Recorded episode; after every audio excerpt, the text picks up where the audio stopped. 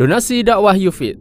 Yuk berikan amal jariah terbaik Anda untuk dakwah dan pendidikan Islam.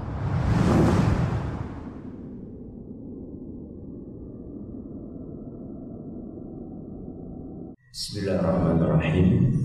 Assalamualaikum warahmatullahi wabarakatuh. Alhamdulillahirabbil alamin. Wal 'aqibatu lil muttaqin.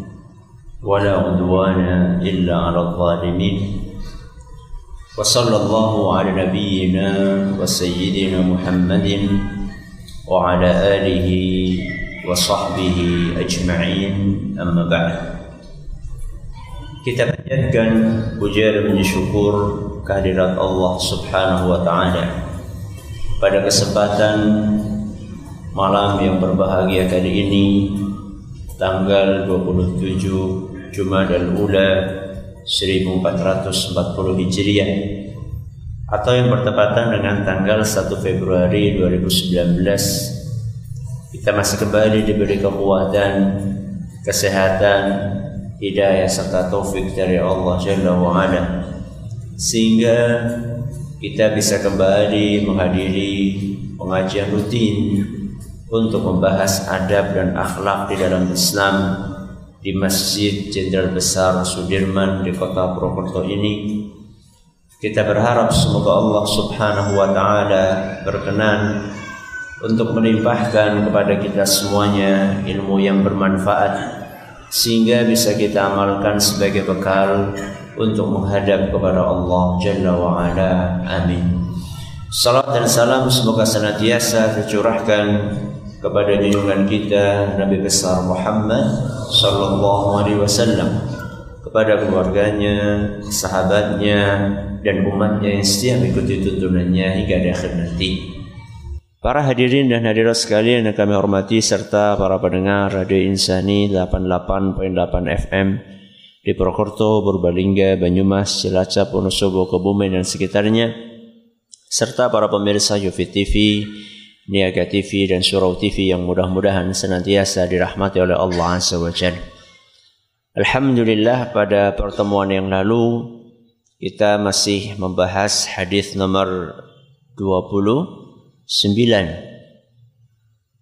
Dan kali ini pada malam hari ini insya Allah kita akan menyelesaikan pembahasan tentang hadis ini yaitu hadis yang berbunyi wa an Abi Mas'udin radhiyallahu anhu qal dari sahabat Nabi sallallahu alaihi wasallam yaitu Abu Mas'ud. Siapa? Abu Mas'ud. Semoga Allah meridhai beliau. Qala Rasulullah sallallahu alaihi wasallam, Rasulullah sallallahu alaihi wasallam bersabda, "Man dalla ala khairin falahu mithlu ajri fa'ilihi." Barang siapa menunjukkan kepada orang lain kebaikan barang siapa menunjukkan kebaikan kepada orang lain maka dia akan mendapatkan pahala seperti orang yang mengamalkannya hadis riwayat Muslim. Kita telah sampaikan bahwa hadis ini memiliki background kisah yaitu tentang seorang yang mencari tunggangan untuk berangkat jihad. Jadi hadis ini ada cerita di baliknya. Namun bukan berarti yang dapat pahala itu hanya yang melakukan seperti mirip apa yang dilakukan oleh sahabat tersebut yaitu memberikan arahan tentang siapa yang bisa diboncengi tunggangannya untuk berangkat jihad saja tidak karena redaksi hadis ini bersifat umum Barang siapa mengajarkan kebaikan kepada orang lain. Ini adalah kalimat yang umum. Dan kita telah jelaskan bahwa keumuman hadis ini bisa dikupas dari berapa sisi? Tiga sisi. Yang pertama, bagaimana? Yang kedua, siapa? Yang ketiga, apa? kita baru membahas poin pertama dan kedua. Yaitu siapa yang diajari kebaikan, bagaimana cara mengajarkannya. Itu dua poin yang kita bahas. Malam hari ini kita akan membahas poin yang ketiga, yaitu apa. Maksudnya adalah apa bentuk kebaikan yang kita ajarkan kepada orang lain. Mandalla ala khairin Barang siapa menunjukkan kebaikan. Kebaikan itu bentuknya apa? Karena hadisnya bersifat umum kebaikan. Maka yang masuk dalam hadis ini adalah segala jenis kebaikan. Apa pun itu. Yang penting baik. Yang penting baik. Dan kalau kita mau klasifikasikan kebaikan itu secara garis besar bisa dibagi menjadi dua. Ada kebaikan dalam urusan agama, ada kebaikan dalam urusan dunia. Dibagi berapa? Dua. Yang pertama, kebaikan dalam urusan agama. Yang kedua, kebaikan dalam urusan dunia. Ya. Kebaikan dalam urusan agama ya ilmu agama. Ya. Kalau kebaikan dalam urusan dunia ya ilmu dunia. Kita akan bahas satu persatu. Cuman mungkin kita akan lebih banyak membahas tentang poin yang pertama yaitu kebaikan dalam urusan agama. Yang dimaksud kebaikan dalam urusan agama di sini adalah ilmu syar'i. Ketika kita mengajarkan, ketika kita menunjukkan ilmu syar'i kepada seseorang, maka selama orang tersebut mengamalkan apa yang kita ajarkan, dia dapat pahala dan kita pun juga dapat pahala.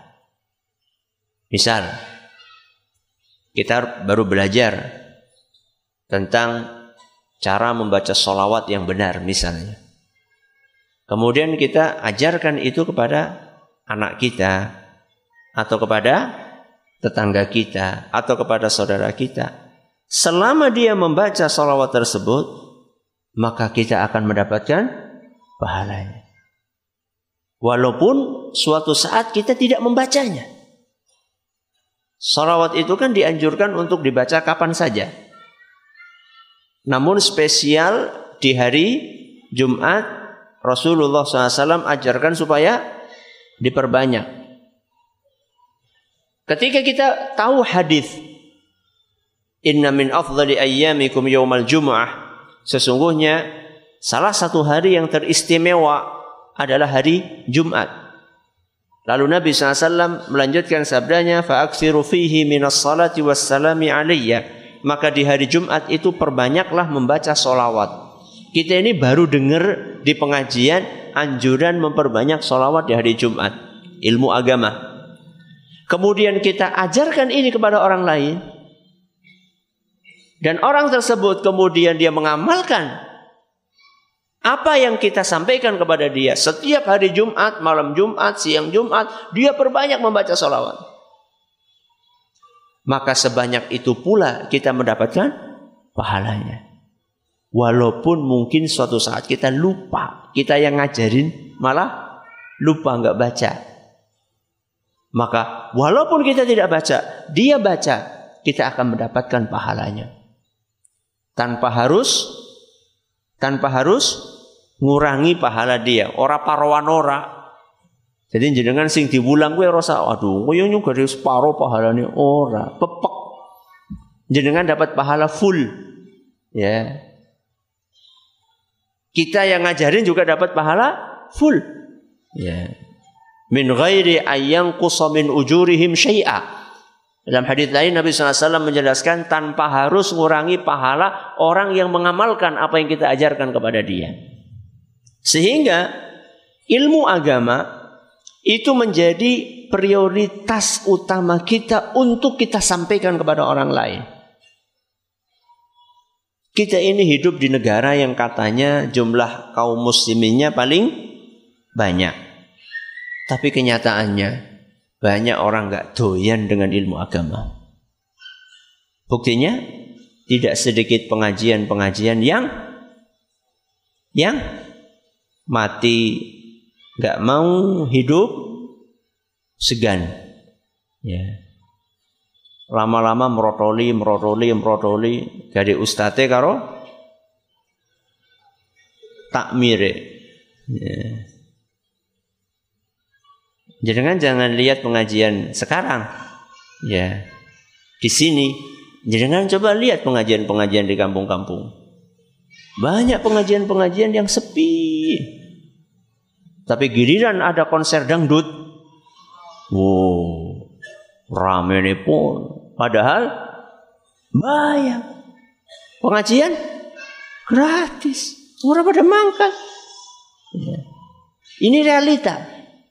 Padahal katanya negara kita itu muslimnya paling banyak. Fakta yang lain, banyak orang tua bangga ketika anaknya jadi sarjana. Sarjana apa? Ilmu umum. Ya, sarjana ekonomi, sarjana hukum, sarjana sosial, sarjana politik, sarjana, pokoknya yang umum-umum lah. Bangga. Begitu wisuda, di-share ke mana-mana anakku baru dapat sarjana peternakan, sarjana pertanian, SE, Pol S apa lagi. Walaupun setelah itu banyak yang nganggur juga. Bangga. Tapi ketika anaknya, Bu, saya pengen mondok. Mondok ngemben bojomu dimpani apa? Seakan-akan madesu. Masa depan suram. Apa pernah diadakan survei? Kalau tamatan pesantren itu rata-rata pengangguran, kalau tamatan umum rata-rata bekerja, apa pernah diadakan survei? Ustadz itu buktinya saya punya tetangga tamatan pondok nganggur. Ya, tapi saya juga punya tetangga S1 nganggur. Kerjanya itu mangan turu, mangan turu, nonton TV. Kadang-kadang dolanan darah. Sarjana ekonomi dolanan darah. Ngisin-ngisinakan. Ya. Ini realita. Ya. Tidak sedikit orang tua yang rela mengeluarkan duit banyak untuk membayar anaknya les pelajaran tambahan eksak. Entah itu matematika, entah itu bahasa Inggris.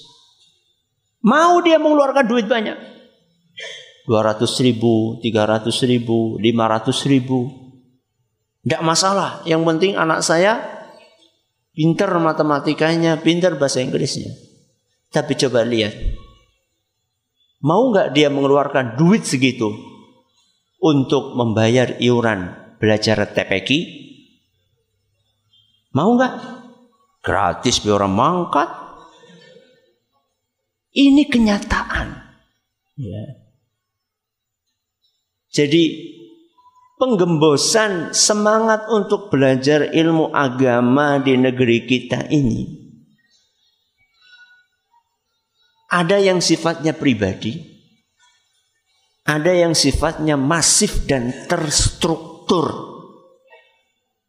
Saya ulangi, penggembosan belajar agama di negeri kita ini ada yang sifatnya pribadi kayak tadi itu, ada yang sifatnya masif dan terstruktur. Contohnya Ustadz yang masif dan struktur. Mudah sekali. Lihat pelajaran agama di sekolah umum. Dikasih berapa? Berapa jam? Dua jam. Dalam satu pekan. Satu pekan, satu hari berapa jam? Pak Guru, berapa jam? Satu hari berapa jam pelajaran maksudnya? berapa? 8 jam pelajaran. Berarti satu pekan 8 kali 6 pinten? 48 dua. Dari berapa? 48 berarti berapa persen itu? Ya hitung dewek ini apa tidak penggembosan terstruktur? Kayak gitu pengen anaknya soleh soleha. Ya bermental baja, rajin beribadah. Pernah ada seorang kepala sekolah cerita sama saya. Pernah dia melakukan survei kecil-kecilan untuk siswa di sekolahan yang beliau kepalai. Ternyata dari sekian banyak siswa Ditanya sama beliau, siapa di antara kalian yang tadi pagi sholat subuh? Kata beliau dari sekian ratus siswanya yang sholat subuh paling cuma dua persen, tiga persen, pol lima persen. Berarti sembilan puluh lima persen dari siswa-siswi dia tidak sholat subuh. Ini realita. Ya. Kalau kita tanya, mereka rata-rata agamanya apa? Islam. Wong sekolah umum kan mayoritas muslim juga. Ini kenyataannya. Ya. Pelajaran agama dianaktirikan di sekolah-sekolah umum yang ada di negeri ini. Nanti giliran anaknya nakal, sukanya tawuran. Ya. Kemudian kenakalan-kenakalan yang menjurus kepada tindak kriminal. Setiap hari anak ini kerjanya meras terus siapa? Orang tuanya pak nyuwun artone setiap hari kerjaannya minta, minta, minta. Kalau disuruh mainan HP terus. Kalau sudah kayak gitu, siapa yang disalahkan?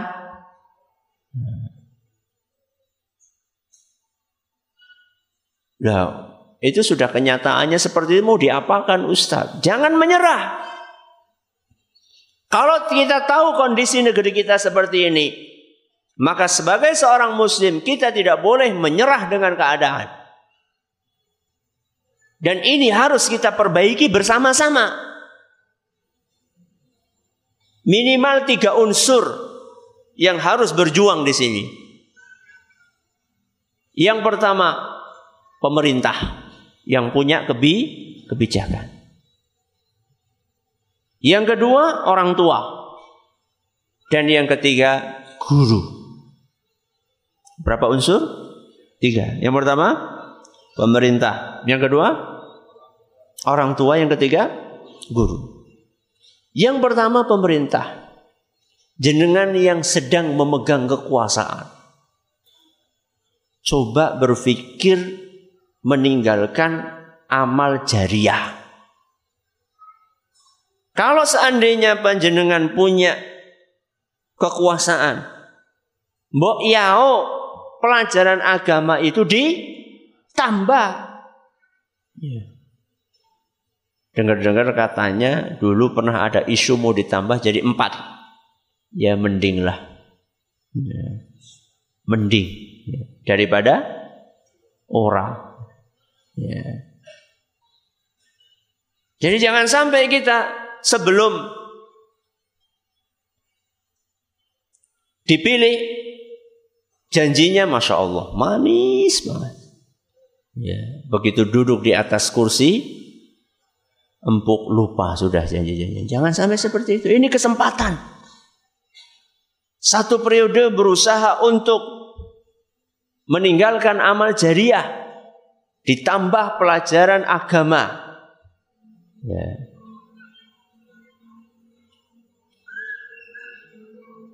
Ini bagi yang sudah terlanjur untuk memasukkan anaknya ke mana? Ke sekolah umum. Unsur yang pertama pemerintah. Yang kedua, siapa tadi? Orang tua. Kalau jenengan sudah terlanjur memasukkan anak ke sekolah umum, maka kita semua punya tanggung jawab untuk menambah pelajaran agama buat anak-anak kita. Di mana usah terserah. Anda sendiri sebagai orang tua yang ngajari anak, kalau memang punya kemampuan untuk itu, seandainya memang tidak punya kemampuan, panggil guru ke rumah. Belajar agama di rumah. Kalau seandainya nggak ada biaya, masukkan anak kita ke taman pendidikan Al-Quran. Itu belajar Al-Quran. Pengen belajar ilmu agama, ajak anak-anak ngaji. Ya. Bawa mereka ke pengajian. Sehingga sedikit banyak selain dia dapat komunitas yang baik, dia juga akan mendapatkan ilmu walaupun sedikit sedikit sedikit masuk ke dalam diri anak kita.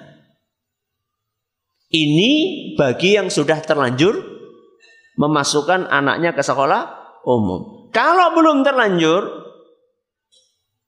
tahun depan ini tamat SD atau tahun depan umur 6 tahun akan masukkan ke SD atau tahun depan tamat SMP. Pilih sekolah-sekolah yang memprioritaskan pelajaran agama di situ. Memberikan porsi yang cukup. Apa itu? Ya pondok. Ustaz, pondok Ustaz. Priwe ya Ustaz ya. Ya wis, madrasah.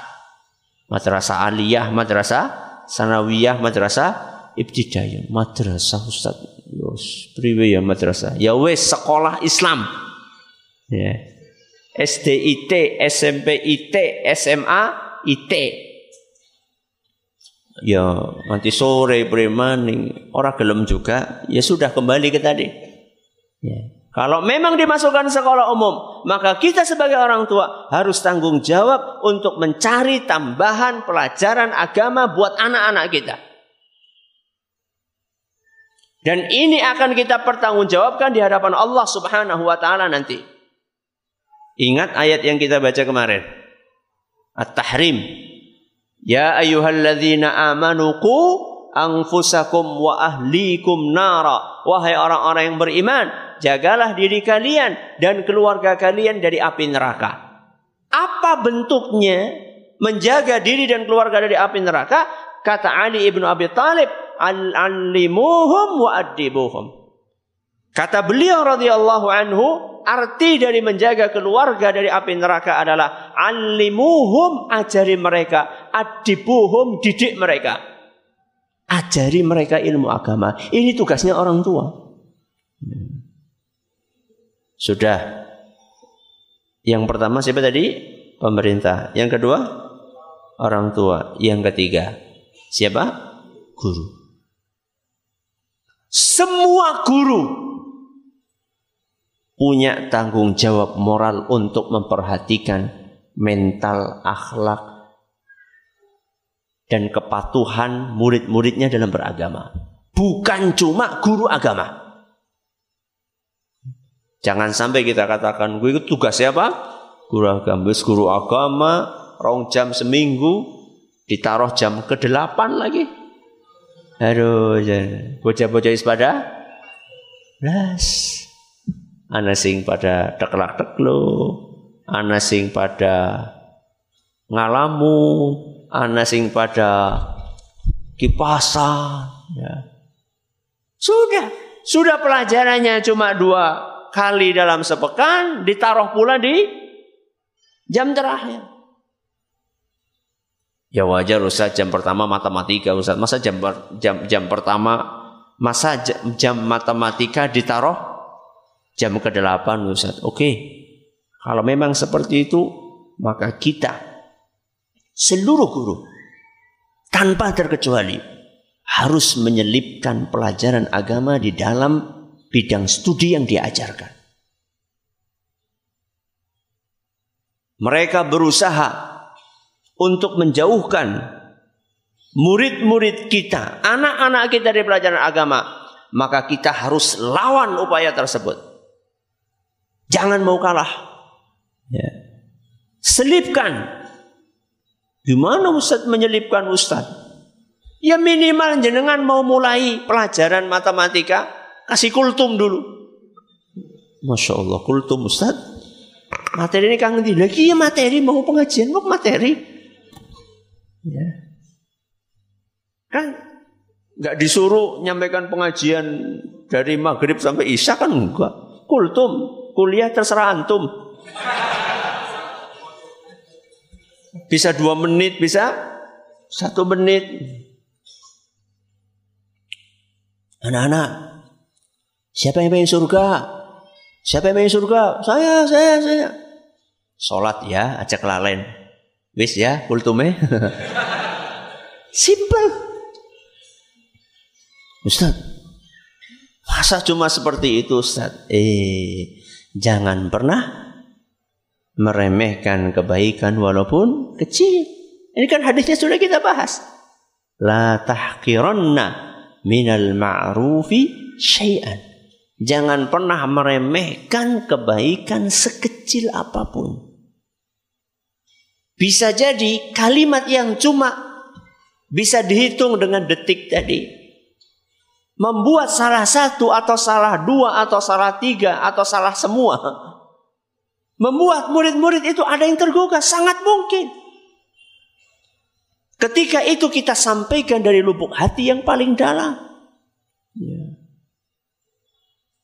Atau kalau nggak di awal di akhir ya diajari anak-anak doa ayo siapa yang tadi habis dari kamar mandi Coba tadi pas mau masuk kamar mandi baca doa apa? Masa ngajari kayak gini harus guru agama? Masa guru fisika nggak bisa ngajarin seperti itu? Apa guru fisika ini melebu kamar mandi orang donga? Ya. Masa kayak gitu harus nunggu guru agama? Ya. Ayo tadi kamar mandi baca doa enggak? Boten Pak Guru. Ayo, apa doanya? Siapa yang bisa? Bagus, kasih hadiah. Ya, apa hadiahnya? Ya, jazakallahu khairan.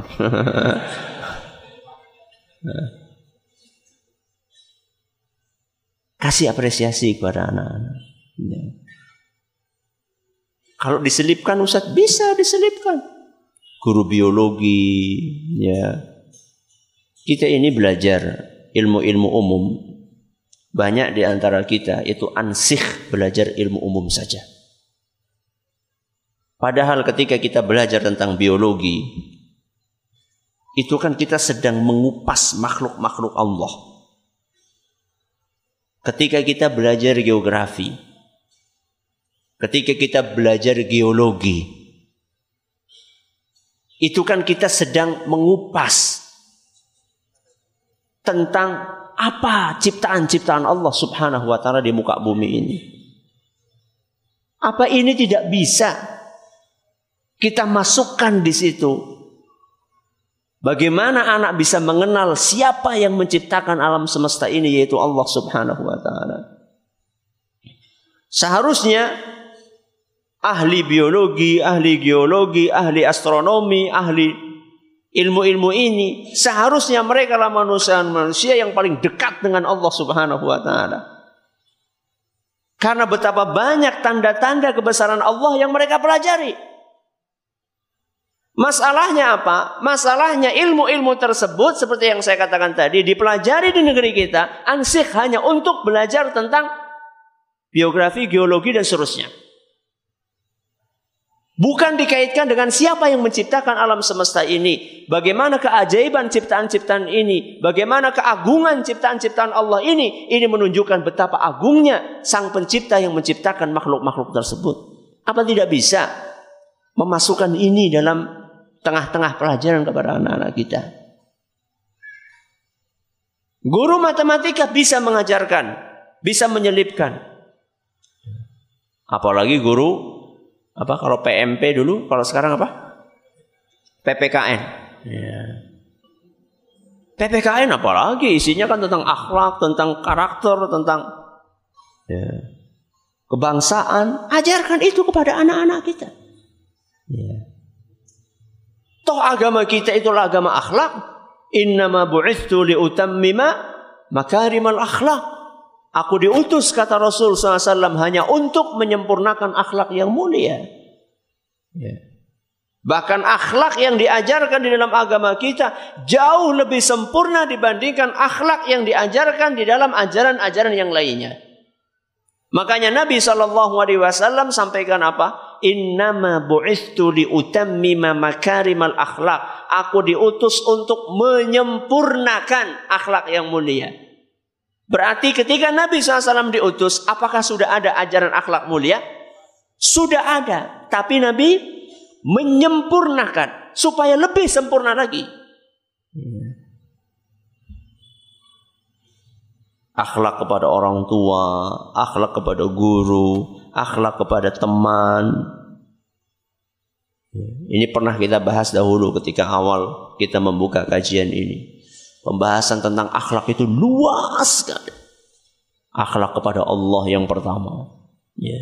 Kemudian akhlak kepada manusia. Manusia ini banyak. Ada manusia yang terdekat sampai yang terjauh sekalipun.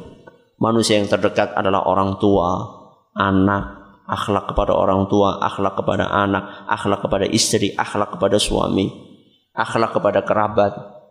Ini yang dekat-dekat agak dikit keluar, akhlak kepada tetangga. Tetangga ada yang dekat, ada yang jauh, akhlak kepada tetangga jauh. Pindah ke lingkungan kerja, akhlak antara atasan dengan siapa?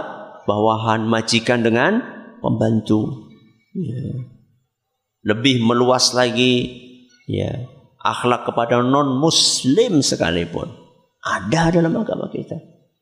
Ini kita baru bicara akhlak kepada manusia, belum bicara akhlak kepada selain manusia apa? Hewan. Ada ustaz akhlak kepada ada akhlak kepada hewan dalam agama kita ada. Bahkan akhlak kepada sungai pun ada. Ya. Kepada lingkungan hidup ada aturannya. Saya pernah bawakan di sini kalau nggak salah sebuah tesis himayatul bi'ah fi sunnah an-nabawiyah. Pembahasan tentang menjaga lingkungan hidup dalam hadis Rasul SAW. Bukunya tebalnya segini. Akhlak kepada lingkungan ada dalam agama kita. Ya. Bahkan akhlak kepada malaikat yang tidak kelihatan pun ada. Nah, ketika ini kita sampaikan kepada anak-anak kita, maka mereka akan terbuka wawasannya tentang agama. Maka tiga unsur tadi, siapa? pemerintah, terus orang tua, terus guru.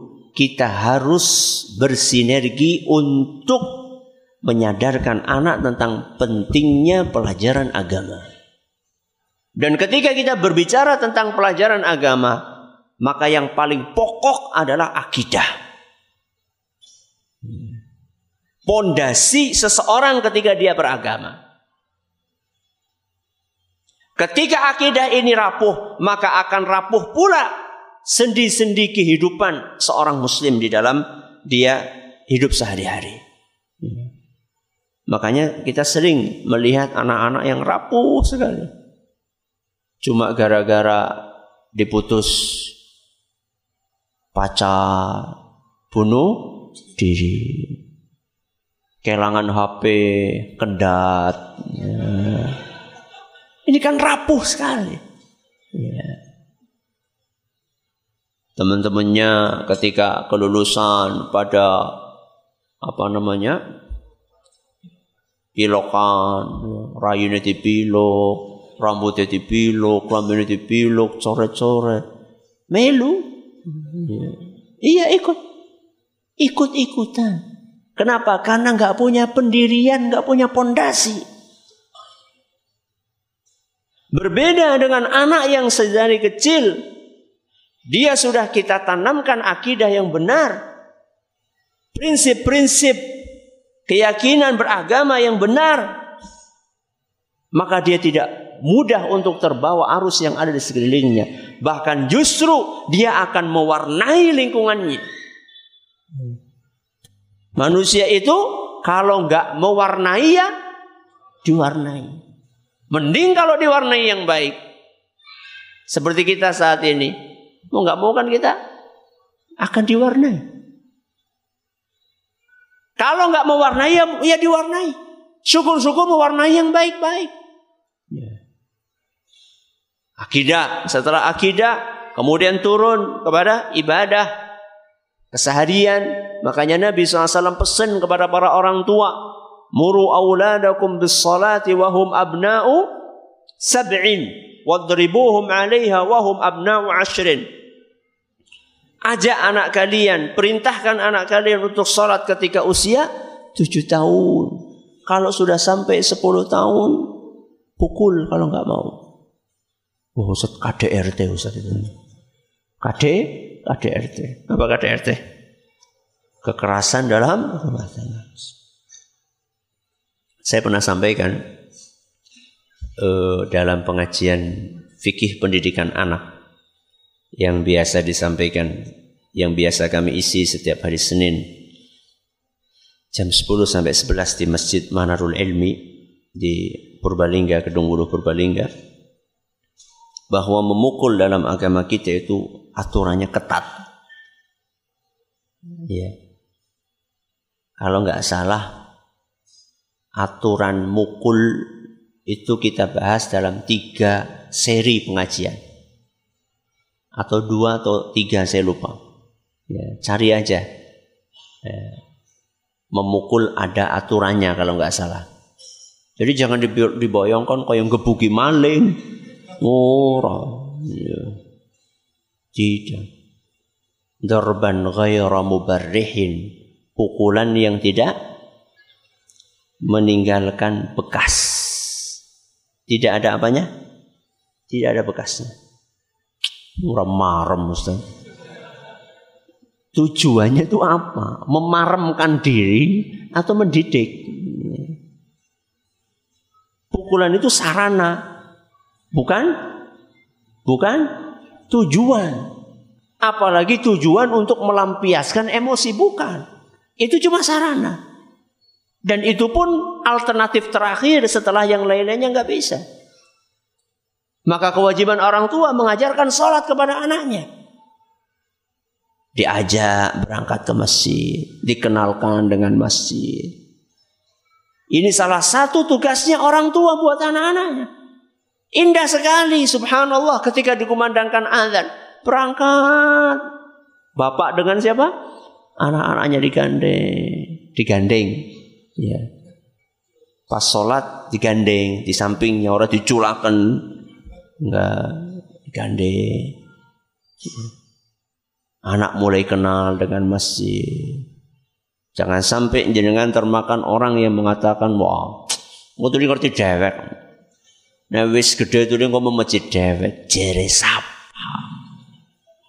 Coba orang-orang yang mengatakan seperti itu, deleng anaknya, wis gede pada nengdi, kelayaban, perapatan, ya, di pasar, alun-alun, di mall, dolanan darah.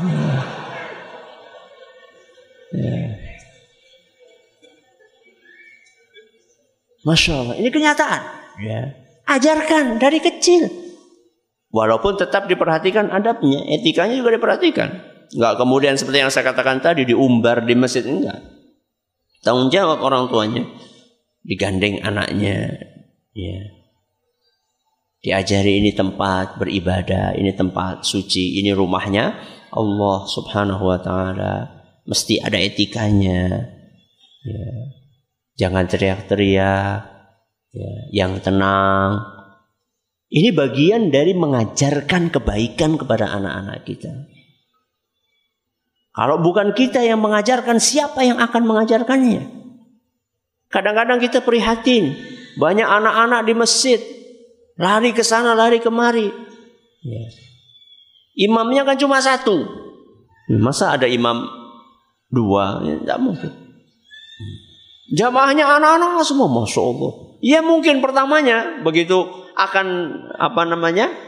Begitu akan mulai sholat, iya diingatkan sudah. Ya, anak-anak sholatnya yang tenang. Gih.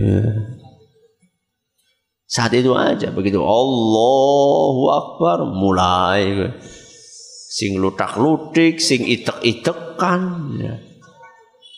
Kayak rata udah di bocah cilik. Tapi kalau sama ayahnya di situ, mending. Ya. Bapak, anak, bapak, anak, bapak, anak, mending. Ya. Ada sebagian masjid dibikin bapak, bapak, bapak, anak kafe. Ya Allah pak, kayak jadi orang tua dibuat cilik yuk. Yang namanya anak dicecer-cecer, masya Allah, itu kesempatan emas. Ya.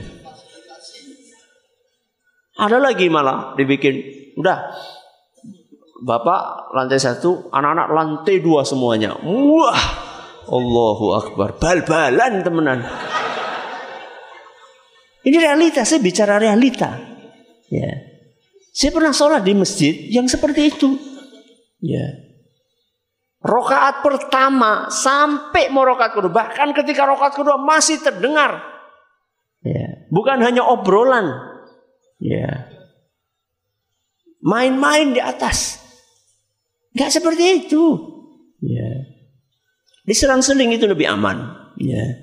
Ini bagian dari mengajarkan kebaikan. Ada akidah, ada ibadah, ada akhlak. Ya. Jadi yang simpel-simpel di rumah, adab makan. Makanya Rasulullah Sallallahu Alaihi Wasallam ketika melihat ada anak kecil di zaman beliau kurang beretika dalam makan karena tangannya ke mana-mana ketika makan ya maka Nabi SAW pun langsung menegur ya gulam le itu kalau laki-laki kalau perempuan do samillah jangan lupa baca bismillah Wakul biyaminika makanlah dengan tangan kananmu. Wakul mimma yalika makanlah yang terdekat darimu. Ini bagian dari mengajarkan kebaikan berupa etika, berupa adab. Dan ini harus rutin setiap hari. Supaya menjadi kebiasaan yang baik. Anak masuk rumah, Ketika dia plus, kenapa tidak ditegur sama orang tuanya? Kenapa tidak ditanya, nak sudah salam belum? Kenapa kita biarkan anak kita bludas, bludos masuk rumah sendiri, rumah sendiri Ustadz, nggak pakai salam. Justru karena rumah sendiri itu kita perlu salam, karena salam adalah doa. Masuk rumah orang lain, Salam rumah sendiri tidak salam. Orang lain rumahnya didoakan, rumah sendiri tidak didoakan. Alhamdulillah Rabbil Alamin Assalatu wassalamu ala Nabi Muhammadin Wa ala alihi wa sahbihi ajma'in Tadi pembahasan tentang Kebaikan yang bersifat Agama Terus yang kedua tadi Kebaikan yang bersifat dunia Seperti apa Ustaz? Contohnya adalah ilmu-ilmu pengetahuan umum Ya yang bermanfaat. Contohnya kedokteran, ya. Masya Allah ya. Betapa banyak manfaat yang ditimbulkan dengan adanya ilmu kedokteran. Kalau dahulu tingkat kematian ibu dan anak, ya, ibu saat melahirkan dan anak saat dilahirkan itu kan tinggi sekali. Alhamdulillah dengan adanya ilmu kedokteran banyak sekali kebaikan-kebaikan yang bisa dihasilkan. Ya, anak yang lahir dengan prematur belum saatnya keluar sudah keluar ada alat inkubator yang dahulu belum ada. Ya. Kemudian orang-orang yang gagal ginjal ada ada eh, apa kalau cuci darah ya? Cuci darah buat apa biasanya? Apa? Enggak e, buat apa yang rusak? Ginjal ya betul ya. Gagal ginjal ada cuci darah. Coba dahulu sebelum ada ilmu kedokteran modern. Gagal ginjal sudah. Ya, tinggal nunggu waktu saja. Ya. Ada penyempitan di pembuluh jantung. Sekarang ada masang ring. Banyak orang yang hidup isinya di sini apa? Ring semua. Kalau dahulu sempit ya wis. Gak nunggu pak, eh waktunya. Ya. Ini termasuk kebaikan. Ketika kita punya ilmu itu kita ajarkan kepada orang lain. Ya, nggak mesti kedokteran yang sifatnya modern, yang sifatnya tradisional. Kita punya ilmu bagaimana ngobati pilek badannya. Bayi pilek nggak mesti harus dikit-dikit bawa ke dokter minum obat penurun panas, dibelonyoi disit nganggo Tahu nggak ini? Brambang, betul ya? Brambang di tumbuh kemudian dibelonyoi kepada anak, ya. Batuk, ya. Banyak obat-obat sering kita. Kita punya ilmunya, pengetahuan umum tentang dunia, ajarkan kepada orang lain. Ya. Kalau ibu-ibu apa Ustadz? Ya paling resep masakan, masakan sing enak. Cara nggak sambal goreng, ya supaya enak bumbunya pas ajarkan kepada orang lain itu termasuk kebaikan ya. bapak yang punya ilmu tentang merawat kendaraan supaya bersih nggak boleh balik ke bengkel merawat sendiri. Bisa ajarkan sama orang lain. Ya. Alat-alat elektronik supaya nggak cepat ya rusak nggak gonta ganti gimana caranya supaya baterainya itu awet awet? Caranya bagaimana? Bagikan tips itu kepada orang lain. Inilah termasuk kebaikan dalam urusan duniawi. Mudah-mudahan bermanfaat buat kita semua. Inilah pembahasan terakhir kita tentang hadis nomor 29. Insya Allah pada pertemuan berikutnya kita akan berpindah ke hadis nomor 30. Ustaz, saya punya teman yang suka menasehati. Tapi ketika menasehati malah yang dinasehati sakit hati. Karena jika menasehati bahasanya nggak enak. Contoh, kamu kan imam, kok bacaannya salah semua? Kamu tuh harus ngaji lagi, cari guru yang pintar sana. Bagaimana cara mengatasinya Ustaz? Dinasehati. Dia menasehati maka dia harus dinasehati. Sampaikan kepada dia bahwa nasihat itu harapannya untuk perbaikan. Sehingga nasihat itu kalau bisa diterima.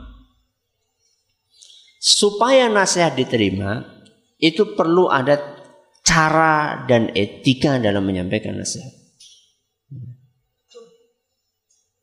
Jadi tujuan dari nasihat itu bukan sekedar kita membebaskan tanggung jawab kita di hadapan Allah bukan.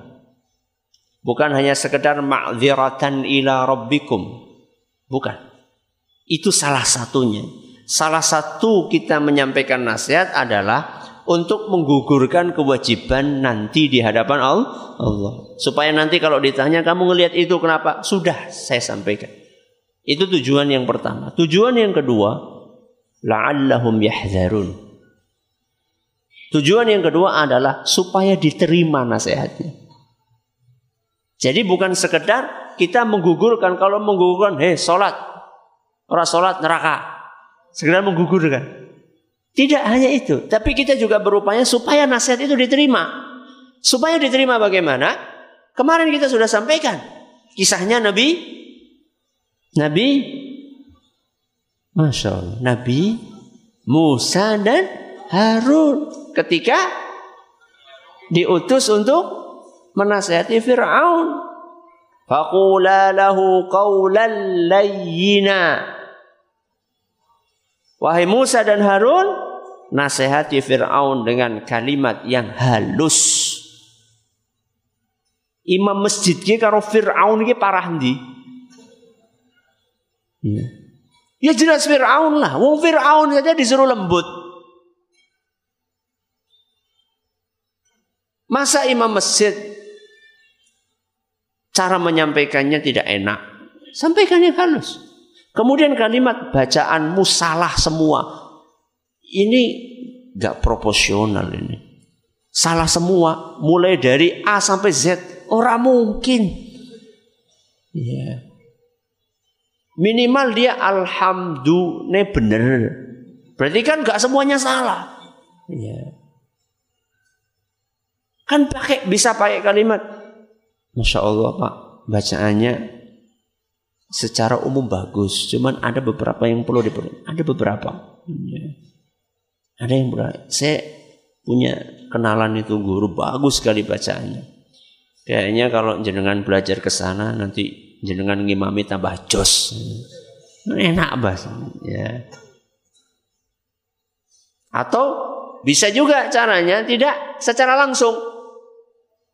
Anda yang punya kenal Ustadz itu, Anda bikin pengajian tahsin di masjid itu. Ya. Sehingga mau tidak mau semuanya termasuk imamnya akan ikut belajar lagi. Itu kan sebenarnya bentuk nasihat tapi tidak langsung. Dan nggak perlu kalau jenengan sudah berniat seperti nggak perlu anda sampaikan kepada imamnya, gaya aku ngundangnya ben ko melu ngaji, paham? Ora perlu.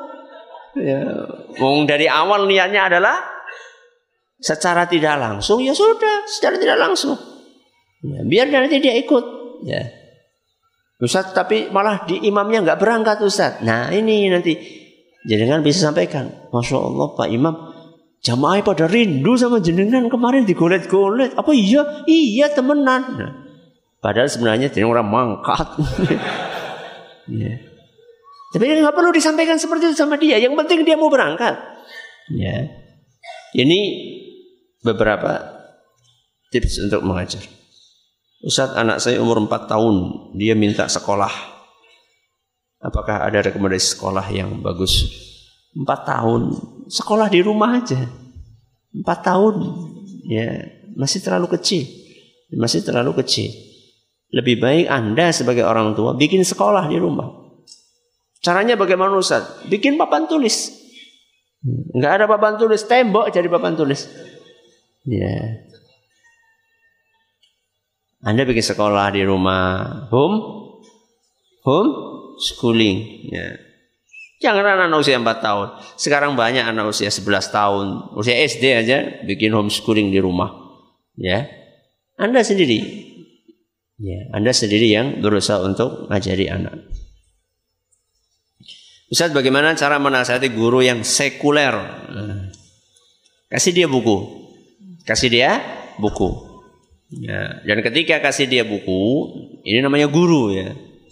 Jadi jangan Pak, ini tolong dibaca ya supaya Bapak benar. Bukan. Pak saya ini nemu buku ini, coba menurut Bapak buku ini bagaimana? Ya. Saya ini kan murid Bapak, saya takut uh, nanti baca yang nggak benar. Bapak ini uh, saya pandang lebih banyak makan asam garam. Memang betul kan? Ya, sudah banyak asam dan garam yang dihabiskan kan? Betul juga. Ya. Tolong saya mohon bantuannya agar ini diteliti. Intinya sebenarnya ingin supaya guru itu baca. Ya.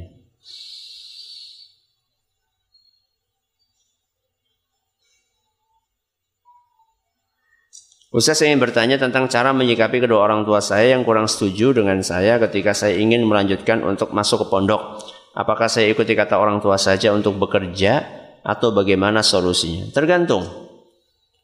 Apakah Anda disuruh bekerja karena orang tua tidak mampu lagi untuk bekerja? Karena sudah lanjut usia tidak bisa bekerja sama sekali sehingga mereka mengandalkan anda sebagai akan dijadikan sebagai tulang punggung atau orang tua sudah berkecukupan cuman ingin melihat anaknya cepat segera bekerja. Kalau misalnya yang pertama maka ya gimana lagi? Ya, bekerjalah dan di sela-sela bekerja sambil ngaji. Alhamdulillah pengajian-pengajian rata-rata pada maghrib sampai isya. Sudah selesai pekerjaan? Sudah, ini kan pada pekerja semua. ya. Sudah selesai. Atau kalau pagi-pagi biasanya hari Ahad bisa. Ya. Jadi tidak ada alasan untuk tidak belajar agama sekalipun bekerja. Bagaimana kalau seandainya orang tua itu sebenarnya masih punya penghasilan dan Anda cuma sekedar pengen orang tua ngelihat Anda bekerja. Anda bujuk orang tua. Anda bujuk orang tua. Sampaikan kepada orang tua bahwa saya butuh modal ya untuk bekerja. Modal di sini adalah attitude ya, modal kepercayaan, modal amanah. Ya, karena sekarang justru yang diprioritaskan di tempat-tempat pekerjaan itu adalah keamanahan sebelum keahlian dan kecerdasan. Banyak orang pinter tapi keblinger. Ya. Biasanya perusahaan milih antara yang pinter banget tapi suka bohong ya dengan yang sedang-sedang tapi jujur. Akan lebih banyak memilih yang sedang tapi jujur. Saya ingin digembleng akhlak saya di pesantren sehingga saya punya modal yang cukup untuk bekerja nanti. Pendekatan seperti itu pada orang tua. Ini bahasa yang sebenarnya sesuatu yang lebih mudah diterima oleh uh, tingkat pemahaman orang tua. Karena kalau pakai bahasa-bahasa yang saya pengen ngejar surga, ya, pengen akhirat itu kadang-kadang orang tua sudah aja terlalu fanatik lah. Ngejar akhirat kok fanatik ya. Makanya tadi saya kasih alternatif cara penyampaian yang tadi di awal. Mudah-mudahan bermanfaat. Terima kasih atas perhatiannya menurut segala kurangannya. Kita tutup dengan membaca subhanakallahumma bihamdika asyhadu an la ilaha illa anta astaghfiruka wa atubu. Assalamualaikum warahmatullahi wabarakatuh.